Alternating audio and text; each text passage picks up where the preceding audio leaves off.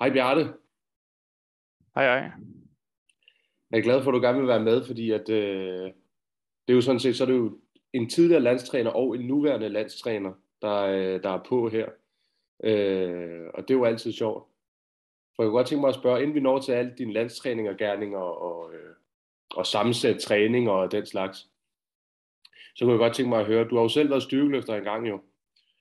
Og, øh, og du løftede klassisk, er det ikke rigtigt? Jo, det stemmer. Ikke, øh, ikke noget med noget udstyr? Nej, jeg testede lidt udstyr, når jeg var færdig at løfte tungt, men uh, jeg synes det er virkelig fedt at hjælpe som træner med udstyr, men uh, da jeg konkurrerede, så var det klassisk. Okay, okay, men du har, du har masser af forstand på det og så videre, kan jeg forestille mig. Fordi det er, lidt, det er lidt min opfattelse, at jeg ved ikke, om det har ændret sig nu, men førhen, der var Norge meget et udstyrsland, ikke? Altså, jo. det, er jo der, du har dine rødder. Det, det, det var primært udstyr, mener jeg, hvor Norge virkelig vandt noget øh, internationalt, ikke? Jo, Norge var god i udstyr, og den, den klassiske udviklingen, den, den kom lidt senere, men uh, ja. det, det er udstyr, som har været uh, hovedfokus i Norge i, i mange år. Ja, lige netop, ja. ja. Mm. At der er Sverige noget foran, øh, især Danmark og Norge på, på, på det klassiske i hvert fald. De har rigtig mange gode løfter. Ja, Sverige de, de startede lidt tidligere med at prioritere klassisk, og de holdt nok uh, svenske mesterskabet tidligere, så, så de satte på det tidligere. Ja, okay. Ja, på den måde, ja. Det er også, øh, jeg mener, at hans verdensrekord blev slået af ham amerikaneren Blaine Sumner, men det var jo en nordmand, der var den stærkeste i udstyr, ikke? I 120 plus, Karl Yngvar. Passer det ikke? Ja, jo, han satte ved verdensrekord i 2014, tror jeg det var. Så... Ja, okay. Ja. 1230, det, det var okay. har du mødt ham? Det har jeg, ja. Men ja, okay. lidt, mindre, lidt mindre nu. hvordan, øh, hvordan kom du ind i, øh, i styrkeløft i sin tid? Du stillede, passer det, du stillede op for første gang i 2015? Ja. Uh, nej, som, som mange andre, så har jeg dyrket forskellige sport tidligere, så det var fodbold, som var mit, mit primære. Eh, men jeg havde mange, mange skader hele vejen, så jeg havde brugt styrketræning som et værktøj for at blive stærkere og stå imod skade bedre.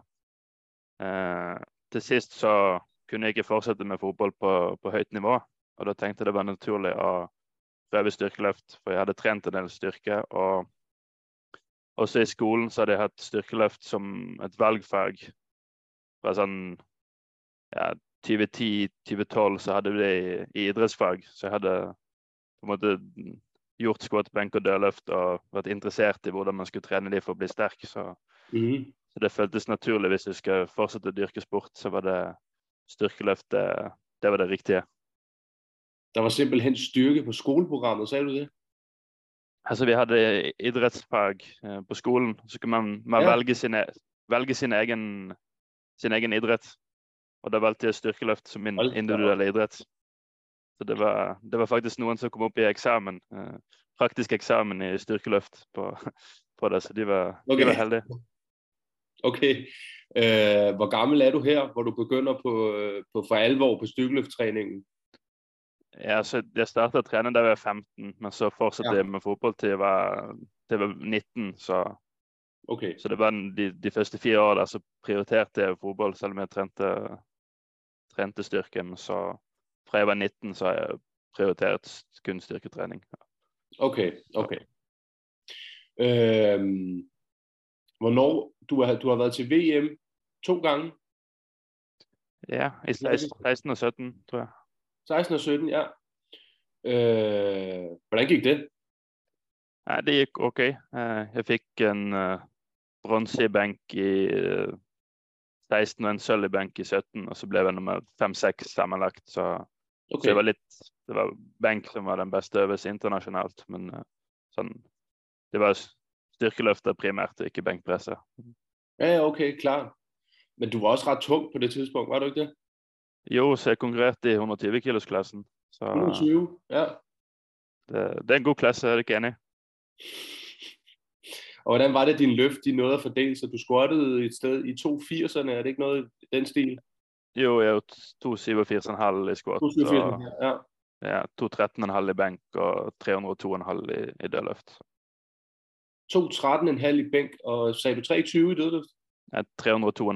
2,5, okay. Ja. Okay. Og, øh, og så stopper du jo egentlig, kan man sige, relativt hurtigt igen med styrkeløft. Vel? Du dyrker det vel på konkurrenceplan i en to års tid, eller sådan noget, ikke? Ja, nej, det var det, var det samme, samme skade fra fodbold egentlig, som uh, jeg, jeg, jeg prøvede at pushe det hårdt og virkelig blive stærk, så, så jeg vidste at sandsynligheden for, at det skulle, skulle gå sådan over lang tid, det var nok ikke uh, så høj, så det er jo mange, mange af de skader fra fodbold, som stadig har været en udfordring, men uh, Mm-hmm. uh, det var, jeg synes det var, det var værd et forsøg, og så, så har jeg heller prioritert og andre, andre ting senere, så at være træner, det, gi- det giver masse også. Ja, helt klart. Øh, og så går der jo nogle år, og så bliver du landstræner i Danmark på et tidspunkt. Øh, Yes. Det bliver du i øh, 2021, ikke? Jo, det var 1. marts, så det er snart to år nu. 1. marts. Okay, snart to års jubilæum. Yes. Hvordan kommer det op at stå? Nej, så jeg har jo altså jeg har alltid været interesseret i at hjælpe andre at være træner, så det, det har jeg været i, i fodbold, mens jeg holdt på med det, og jeg har altså været træner for mange i styrkeløft hele vejen. Uh, trænet en uh, 10-15 atleter hele, hele Okay. tiden de sidste 6-7 år i hvert fall. Så, så da har jeg vært eh, også tatt litt trenerutdannelse gjennom Norges Styrkeløftforbund og Norges Idrettsforbund. Mm-hmm. Og så har jeg vært eh, regionstrener. Har man i Norge, så har man ansvar for utdannelse og subbjunior og junior og de på landsholdet i sin region. Så det, det var jeg fra 2018 eller 2019 sikkert. Eh, og så vært med litt som eh, som træner til det internationale mesterskap. Eh, og så og så kom det en sånn eh, stillingsoppslag fra, fra Dansk Styrkeløftforbund. Mm-hmm. Så den- det, det kom på både IPF og EPF sine sider. Så jeg syns det, det så spennende ut, så det valgte jeg å skrive en ansøkning. Og så var jeg til intervju, og så fant vi ut at det kunne være en god match. Mm-hmm. Og så ender du jo med at flytte fra... Du bor i Danmark nu, ikke? Nå bor jeg i Danmark, ja. Ja, ja, ja. Øhm, jeg kan forestille mig, altså helt i starten, der er det dig, og du er landstræner, og du kommer, og du skal præsentere dig selv for det, for det danske landshold. Øhm, har der ikke været, var, der problemer i starten, tænker jeg, i forhold til selve sprogbarrieren? Har du, har du måttet sådan tilpasse øh, lidt, når du har skulle tale, eller, eller, eller, eller hvordan? Ja, altså jeg skal, jeg skal alltid tilpasse lidt, så det er ikke sådan her jeg snakker når jeg snakker med de norske. Men, eh, Nej, men eh, du må gerne finde en god dub eller nogle subtitles til det her podcast, sådan at det kan være forståeligt. Ej, jeg tror, Men, jeg, øh, jeg tror det, jeg tror det, jeg tror det Ja. Det har, det har blitt uh, vesentlig bedre. Så jeg husker, altså det var jo uh, corona-lockdown når vi startet, så det var jo på, på Teams og over nett. Så, så det var jo sådan lidt mærkelig, mærkelig start, men uh, det var et par, par stykker som havde lidt udfordringer, især i starten, men uh, det har blitt bedre og bedre. Så nu Okay. tror jeg de fleste kan forstå. Og på skrift så er det i hvert fall. Ja, ja. Så man, har, man har alltid skrift, eller så har- har man engelsk, hvis, hvis det skulle blive udfordringer. ja, det er selvfølgelig rigtigt. Øhm, hvordan vil du beskrive, med dine egne ord selvfølgelig, hvordan vil du så beskrive øh, dig selv som, øh, som landstræner? Hvad ligger du vægt på, og hvad synes du er vigtigt i, øh, i sådan en rolle som landstræner for et dansk styrkeløftlandshold? Jeg tænker, det handler jo mere om de værdierne, man har, og den, den vision, man prøver at få igennem. Så jeg ønsker jo, at vi skal udvikle os som et, som et fællesskab, og samtidig være god på at individualisere, sådan at uh, vi kan lægge til rette for, at alle, alle atleterne skal få den bedste udvikling, udviklingen de kan.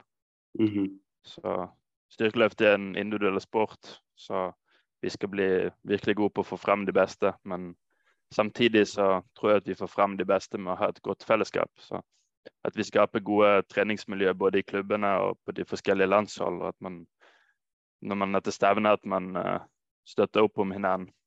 Mm-hmm. Vi har jo også altså til internationale mesterskap så har man nasjonskonkurranse. Så vi har jo en ambisjon om å være blant de ti beste i verden og fem beste i Europa. Så, ja. så da er vi avhengig av at vi har mange som presterer godt. Så jeg tenker... Hvordan gør, hvordan gør man det op? Er det, hvordan, når du siger at være blandt de bedste landshold i, øh, i, øh, i Europa eller øh, generelt, er, er det på point, eller hvordan gør man det op? Ja, så hvis, hvis man vinder sin vektklasse, så får man 12 poeng, og hvis man blir nummer to, så får man 9, og så går, den, okay. går det nedover. Så legger man sammen de fem bedste løfter fra hver nation. Okay, okay. Og det gør man ved hver enkelt EM og VM og sådan noget, eller hvad? Yes. Ja, okay, okay. Det gør man også til NM, gør man ikke det? Jo, det er sannsynligvis til NM. Det, det, det er mange år siden jeg har været til NM, men uh, det er ja. sannsynligvis det samme, vil jeg tro, ja. Ja, ja, ja. ja. ja. Øhm, fordi inde på, øh, det, det er jo en lille reklame, kan man sige, men inde på Styrke.dk, der, har man, der ligger der jo faktisk flere af dine programmer, som du har, som du har lavet, som man bare kan, som man bare kan kaste over, og så kan man selvfølgelig justere efter egen behov, og, og, og hvad der passer osv. Men når du laver programmer, fordi der er jo mange valgmuligheder, øh, der er jo både, at man kan træne tre gange om ugen, og seks gange om ugen, tror jeg også, der var øh, af valgmuligheder det er jo en meget, meget svær øh, hvad hedder det, opgave, det der, med at finde ud af, hvad der passer til en, øh, til en atlet. Og når du arbejder, jeg ved, du er landstræner for nogle af landsholdsløfterne, altså på det danske, på det danske landshold. Hvad, prøv at tage mig ind i den der proces, du har med de løfter, når du siger, hvor mange gange skal vedkommende træne, hvor mange, øh, hvad hedder det, hvor tungt skal det være fra gang til gang, og, og så videre. Altså, hvad, hvad er det for en proces, man laver som træner, når det er, man skal skal man sige, stå for en atlets øh, øh, træning? Ja, jeg prøver en sådan evidence-based uh, practice, uh, som det heter på fint, men øh, uh, det findes jo nogle guidelines eller ting som forskning peger på, at man, man gerne skal træne på 80% eller tungere for at bli, bli stærk. Man skal gerne træne squat, bank og dødløft for at blive stærk i squat, bank og dødløft. Man skal have en, et vis volum for at kunne blive stærkere, og man skal træne frekvens. Det kan være individuelt, sant? men at uh, det gerne vil være en fordel å trene i hvert fall hver øvelse to ganger om uken. Så har man de, de her guidelines som man har med seg, og så som trener har man gjerne erfaringer med hva som har fungert for atleter tidligere. Og i hvert fall hvis man har atleter som kan ligne på den atleten man arbeider med nå, så kan man også tenke at det kan være et utgangspunkt. Mm -hmm. Og så er det viktig å ta og involvere atleten i prosessen, sånn at man en ting er hva som har fungert for atleten tidligere, og hva atleten ønsker, altså hva som passer med hverdagen. Så det gjelder det, det, det er ikke så mange som lever fulltid av styrkeløft, så de har gjerne et arbeid eller de har, de har studie. Så, så, det skal passes, tilpasses den hverdag, hva som er optimalt. Mm. Så man skal finne, man skal finne den, den trening, så den volum og frekvens som, som passer med hverdagen, og den som er Altså det som er nødvendig for å bli, for å bli bedre. Mm. Så det er den balansen der. Mm -hmm. Så det, det, det, prøver å bli best mulig på den individualiseringen i samarbeid med atleten. Helt sikkert. Så er det, no, ja. det er no, noen atleter som har noen atleter som har mange erfaringer, mange, uh, mange meninger og innspill, og så er det noen som bare vil gjøre som de får beskjed om. Så det, det er også at finde den balansen, hvad som, hvad som er bedst. Ja, fordi nu, nu siger du det nemlig selv, og som bare gør, som de får besked på, ikke? Øh, jeg kan da også forestille mig, at altså, jeg tror da heller ikke selv egentlig, altså måske har jeg da fået en idé om det, men jeg tror da, princippet ved jeg jo nok heller ikke engang selv, hvor mange gange jeg skal træne, altså for eksempel for at få for mest ud af det. Så du har jo på den måde, når du sidder med en atlet, så har du jo også en, en, altså en ret stor autoritet, ikke?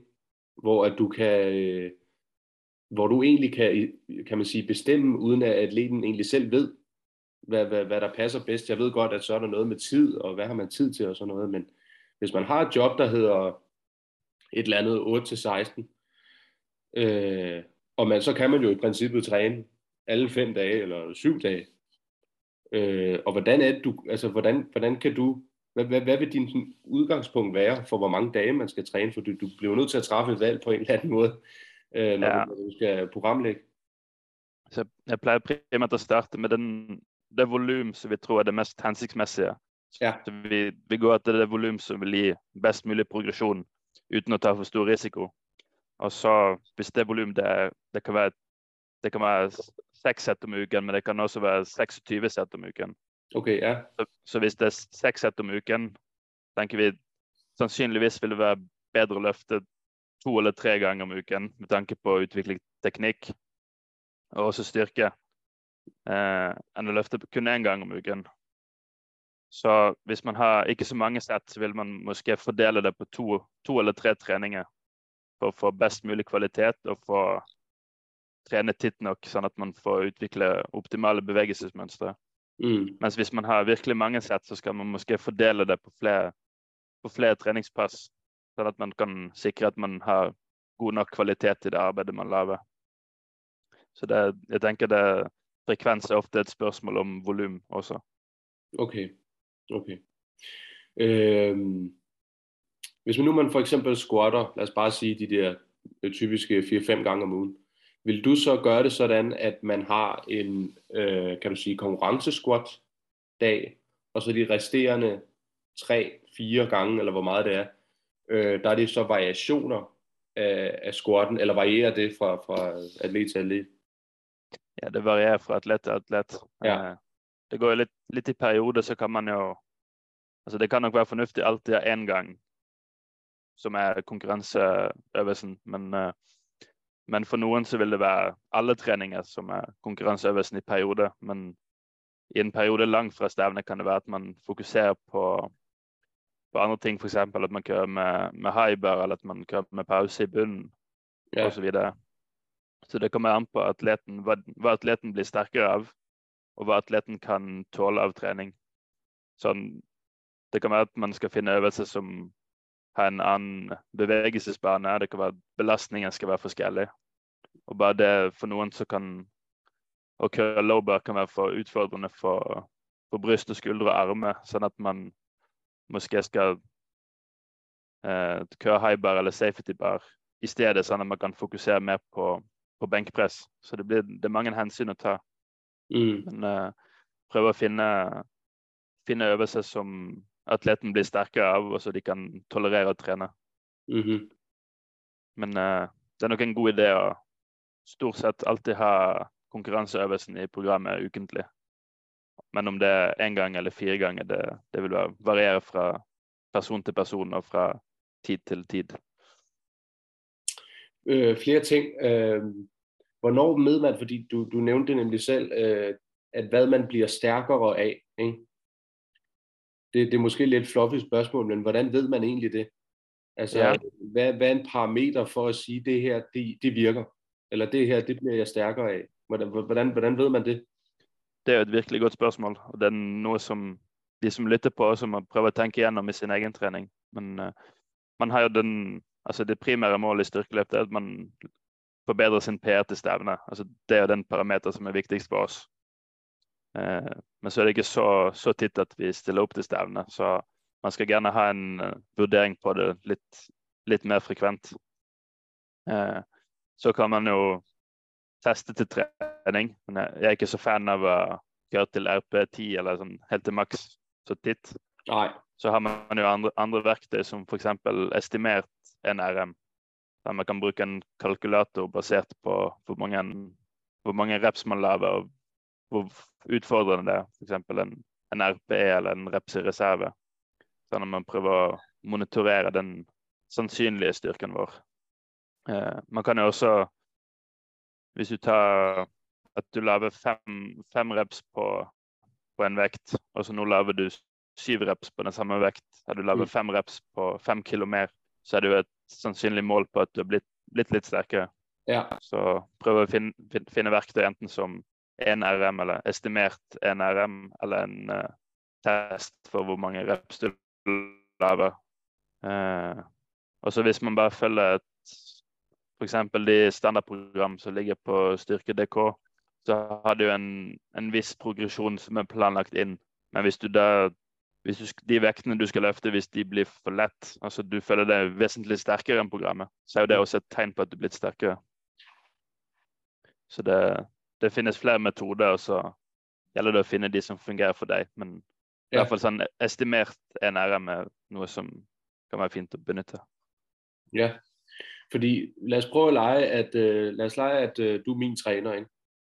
Ja. Og, øh, og, og, øh, og øh, i mit program, der skal jeg så, siger vi, øh, lave et eller andet 3-0-3, for eksempel i squat, eller et eller andet 3 sekunder ned, ingen pause og 3 sekunder op igen. Og det synes jeg overhovedet ikke fungerer. Jeg synes, det, øh, det, det, det føles dårligt, og jeg kan ikke bruge det til noget. Okay, siger du. Så prøver jeg at give dig noget pausesquat i stedet for. Bare hvor det kun er i bunden. Øh, hvor lang tid, altså hvad, hvad, hvilken tidsperiode har man for at sige, okay, det virker bedre? Vil, vil du sige en måned, eller vil du sige, øh, kig på, hvad for nogle kilo du kan lave i stedet for? Det kan, nej, det kan man selvfølgelig ikke, men, men altså, er der en eller anden tidsramme, som du vil sådan cirka vil bruge? Ja, det kan jo være fint med en, en blokk eller to før man vurderer. Altså hvis man får, får ondt eller, av en øvelse, eller sånn, så skal man jo åpenbart vurdere å stoppe med den øvelsen. Men Ja, hvis man bare ikke blir sterkere, så hvis det går en blokk eller to, så skal man nok vurdere å bytte den ut. Men så finnes det jo mange andre parametere. Altså, hva annet har du laget i ditt treningsprogram denne periode? Hva annet har skjedd i ditt liv i denne periode?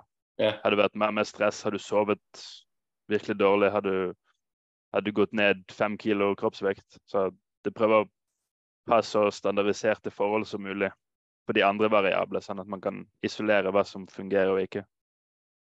Men eh, hvis, hvis du har en øvelse du føler ikke gjør noe godt, du blir svakere, og du syns det overhodet ikke er fett, så behøver man ikke bruke så lang tid med Nej. den. Hvor lang tid er en blok? Ja, det er også et individuelt spørsmål, men eh, Mm.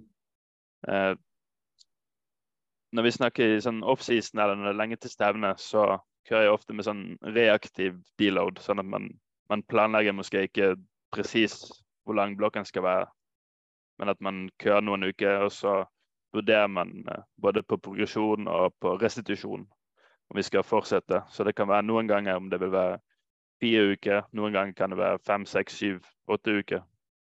Så det er litt å styre etter responsen, men hvis, hvis man har et, et stevne, så skal man gjerne være i, i toppform på en uh, presis dato. Så da kan det være at man er litt mer proaktiv og planlegger det at nå kører vi fire uker blokk eller fem uker blokk, og så deload. Men sånn fire til seks uker kan det ofte være. Så hvis du kører fire til seks uker, og du føler det ikke hjelper, så vil i de fleste tilfeller teste ut noe annet. Hvis man har stillet op, øh, lad os bare sige, at man har stillet op i fem år, bare for at tage et eller andet. Hvad vil du sige, hvis du var træner, hvad vil du sige er det mest hensigtsmæssige øh, at stille op om året? Og hvor mange gange vil du sige er det mest hensigtsmæssige at stille op til konkurrencer om året? Ja, altså hvis man har stilt opp i fem år, så har man jo en, en vesentlig erfaring. Ja. Så eh, jeg tenker to eller tre prioriterte stevner om året. Så nå Mhm. arbeider jeg kun med, jeg arbeider kun med landslagsløftet, så da er det naturlig med å prioritere EM og VM Ja. i, samt at vi skal stille opp til DM. Så det Ja. er de tre prioriterte stevnene. Men vi skal være best mulig form til EM, VM og DM. Mm-hmm. Eh, på, for de fleste løfter så vil det være litt forskjellige stevner, så da vil man prioritere DM, og så enten JM eller SM, og så gjerne et stevne med. Eh, man kan jo stille opp til flere stevner, men hvis man skal prioritere å være i toppform, så kan det være litt svært. Så prøv å finne to, to eller tre stevner om året som du virkelig prioriterer. Og tenke for de fleste så, bør det, altså, så skal det være DM. Det skal være det, det beste stevnet i Danmark, og der man har lyst til å stille opp. Mm. Så jeg tenker å prioritere det, og så kan man stille opp til flere stevner.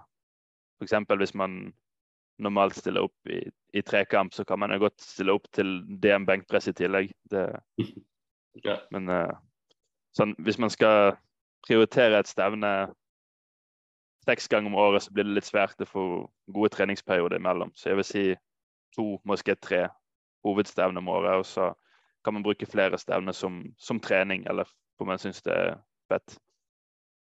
Men da ta det som, ta det som trening, uten for høye forventninger, og måske ikke gå all out. Mm. Og omvendt, så kan man sige, at hvis man slet ikke har stillet op, hvis man aldrig har stillet op til, til et stævn før, og man gerne vil øh, prøve kræfter med, med, med, med sporten, ikke? er det så tilsvarende flere stævner, du vil, du vil anbefale, at man så stiller op, det ved jeg ikke, dobbelt så mange gange? Ja, altså, det er lidt psykologi inde i billedet også, og sånt. men mm -hmm. uh, jeg tænker, man, man i hvert fald bør prøve at stille op tre-fire gange ja. om året, sådan at man, man får känna på hvordan det er og løfte sådan, hvordan, hvordan bliver kroppen og psyken min, når jeg stiller op til stævne, og hvordan responderer jeg på det. Og så, og så at man får træne på at udføre løftene med, med dommer sant, og med signaler. Og at man skal løfte alle tre øvelser tungt på samme dag. Og man kan ikke bestemme eksakt hvornår man skal løfte. Og, så det, jeg tænker, det er god træning. Mm. Du, sagde, ja, du sagde for eksempel øh, tidligere øh, i forhold til at lægge program og sådan noget, at øh, hvis man laver en øvelse, øh, som åbenbart gør ondt, eller giver nogle, øh, giver nogle små irritationer, øh, histerpis, så skal man nok ikke lave den. Hvis man nu øh, har lavet almindelige back squat, low bar for eksempel, i, i lang tid, og der har umiddelbart ikke været noget, men så begynder der at, at komme noget i knæet for eksempel, det er jo en klassiker, at det begynder at gøre ondt i, øh, i knæet. Øh, når man laver den øvelse, hvad vil du så som, øh, som træner, igen, det er meget individuelt, det, det har vi også været inde på, men hvad er en måde i hvert fald at gå til sådan et problem på, at man mærker umiddelbar irritation i knæet, når man laver en øvelse back squat? Ja, sådan, så det, hvis man stiller op i styrkeløft, så er det jo ja. tre øvelser man kan acceptere og ha lidt ondt av. Det er squat, bank og dødløft på den måde, man gennemfører i konkurrence. For at stille op, så skal man kunne gennemføre de øvelser. Men hvis det kommer smerte, så skal man jo gerne fikse problemet for at kunne have en produktiv træning videre. Uh, I de fleste tilfælde så kan det være, at man skal kigge på den volumen, altså den træningsdose man har. Det kan være, at man, de kravene som man kommer fra træningen, de, de stiller for høje krav til restitusjon. Så når man skal justere lidt ned på volum, kan det være. Det vil være det første jeg kigger på. Uh, det kan også være intensitet eller frekvens, men så ofte så er det den trænings, træningsdosen eller volumen, som er vigtig. Og så kan man også se på, på bevægelsesmønster. Er det noget, som, er det, har det sket noget nyt her, eller har det nogle nye sko, eller hvad, kan det være nogle andre forklaringer. Men, ja, okay, ja. Uh, i, I perioder så kan man jo godt lave alternative øvelser, men uh, det, vil, det vil være vigtigt at finde ud af, hvorfor det kommer smerte, og så prøve, prøve at fikse det. Så det kan, i de fleste tilfeller vil det bety lidt, lidt mindre træning, eventuelt lidt lettere træning for en periode. Okay, fordi øh, ja, du var lidt inde på det også selv, fordi at når man så har et, øh, et, et problem måske med volumen for eksempel, og, og, og volumen, når du siger volumen, så er det hvor mange reps og sæt man tager, ikke? Ja, altså man kan tænke, ja. tænke på flere måder, men sådan ja. Gro grovt sett hvor mange, cirka hvor mange sæt man laver, kan være sådan ja. en enkel proxy. Og så frekvens, det er hvor mange gange øh, man, man træner om ugen, ikke også? Ja. Øhm, og så intensitet, det var tungt der. Ja. Ja. Øhm, du nævnte nemlig volumen som det første. Er det så, kunne det så være, at man måske altså netop lavede for meget? Altså at man, man havde for mange sæt, der gjorde, at der begyndte at komme irritation? Ja, det, ja. det tror jeg ofte, ofte kan være svaret. Så det kan jo være kombination av volumen og intensitet, men, ja. men jeg vil oftest se først på, på volumen, så prøve at reducere lidt. Okay. Okay. Øhm, når du har din, øh, din løfter øh, øh, med til de internationale konkurrencer I ser. det er jo der, hvor du, øh, hvor du er der, og du er på banen sammen med dem. Øh, når der kører psykologi i baggrunden, altså inden løfterne ligesom går ind, og du ligesom skal være der øh, for de der løfter øh, til EM og til VM og så videre. Hvordan, øh, hvordan er du som, øh, som træner i de der situationer? Står du og, og råber og skriger, eller stamper i gulvet, eller hvad, hvordan, er, hvordan er du, øh, når du skal få dine løfter klar? Ja, som, som person så er jeg nok ganske rolig. uh, så som uh, default så står jeg ikke og stamper eller roper så mye. Men det, det er noen som så Igjen så skal man gjøre det beste for atleten. Så, så hvis det er noen som vil at man skal gjøre det, så prøver man jo å møte dem på at de får den beste opplevelse. Så, men vi har, vi har mange som ønsker en litt rolig, rolig tilgang. Så man skal være så du skal være virkelig fokusert når du går ute. Så, så de, de, fleste de, de finner den uh, Altså de De kan eh, uh, finde den eh, uh, indstilling selv som de, som de behøver. Så det blir med at prøve at hjælpe dem med at finde, finde de arbejdsopgaver, så de skal fokusere på, og så finde den rigtige spænding, At man ikke blir for, for aggressiv, men at man ikke heller blir for, for passiv. Ja, men, for, uh... ja fordi at, øh, men der er jo også, altså der er jo også, altså man skal jo ikke undervurdere det der, altså der er utrolig meget psykologi øh, til en konkurrence, øh, fordi en ting er, hvor god, hvor god form er man i, og hvordan har hendes træning gået op til, men når du står der på dagen, øh, især til en international konkurrence, der er der der ved Gud meget øh, psykologi, og der tænker jeg da også, at når man, når man er der som landstræner, så har man også et, et ret stort ansvar, har man ikke det? Øh, også lige så meget i øh, altså det rent taktiske. Hvad skal jeg gå på øh, af, af forsøg, og hvordan ligger jeg i forhold til medaljerne, og alle de der ting? Ja, jo det er jo det primære når man er til, øh, til EM og VM og de internationale mesterskab, så det er jo mesterskaber. og man, løf, man løfter for medaljer og placeringer. Så det, det, er det vi går efter i de fleste tilfælde, hvis det er muligheder. Uh, så det, det er jo vigtigt at afklare de her ting på forhånd.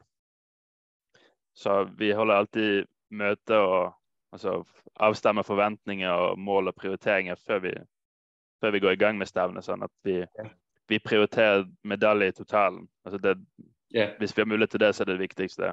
Yeah. Og så har vi også de plasseringer, sant? hvilken plassering man får sammenlagt. Og så har vi også medalje i de forskjellige disiplinene. Så det er på en måte de, de tre høyeste punktene vi prioriterer. Og så hvis man ikke har mulighet for det, så prøv, kan man prøve på en rekord, enten det er dansk rekord eller personlig rekord. Yeah. Men at man prioriterer medaljer og plasseringer når man er til stevne. Uh, så det, det, arbeider vi jo med å samstemme de forventningene.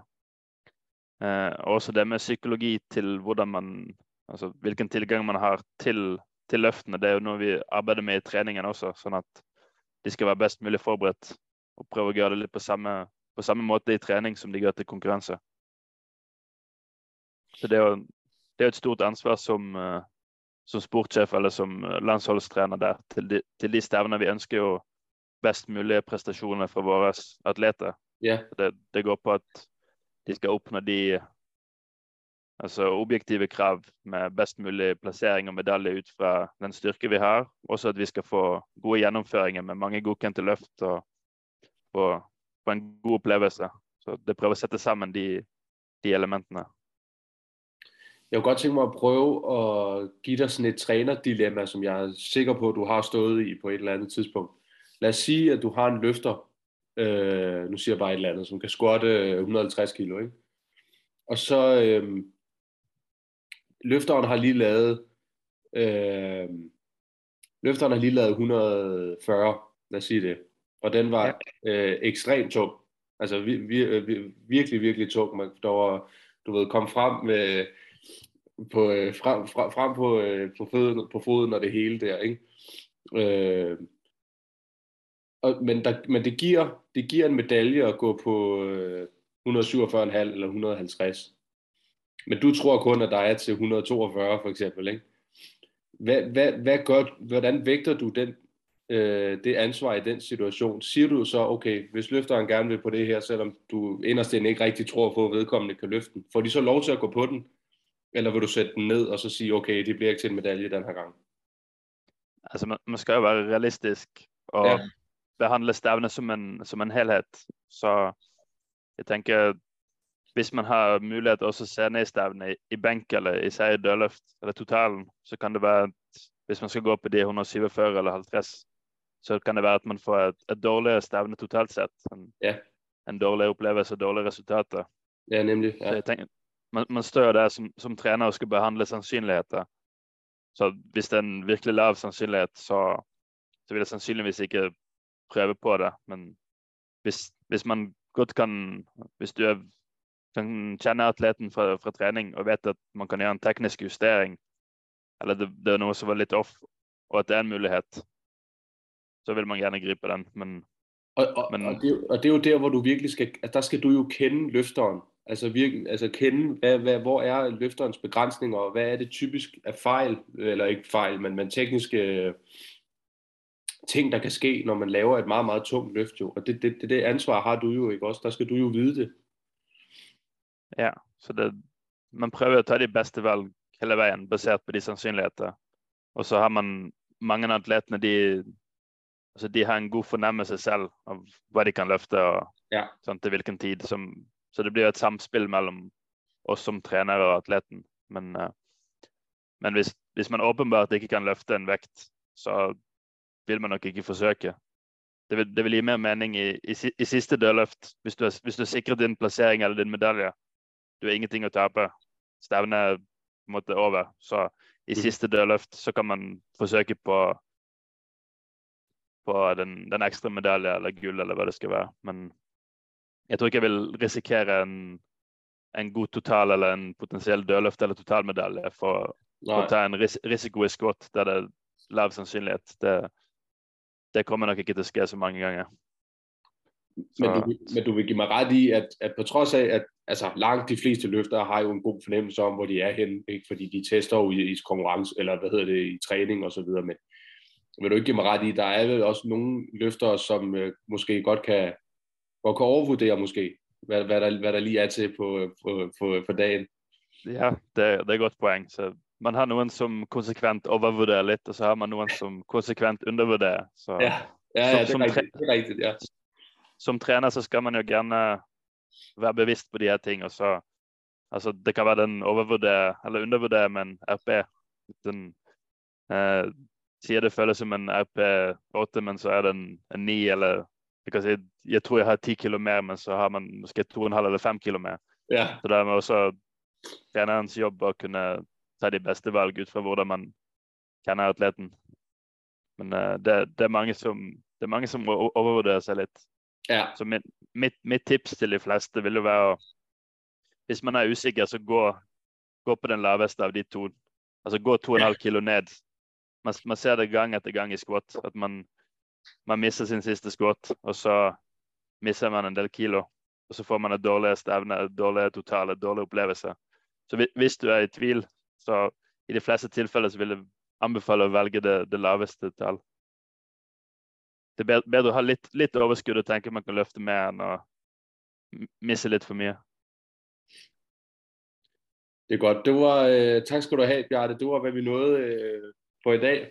Hvis I kunne lide det, så håber jeg, at I vil lytte videre. Der er flere episoder på, øh, på vej. Tak skal du have, for du var med, Bjarne. Tak for at jeg ville være med.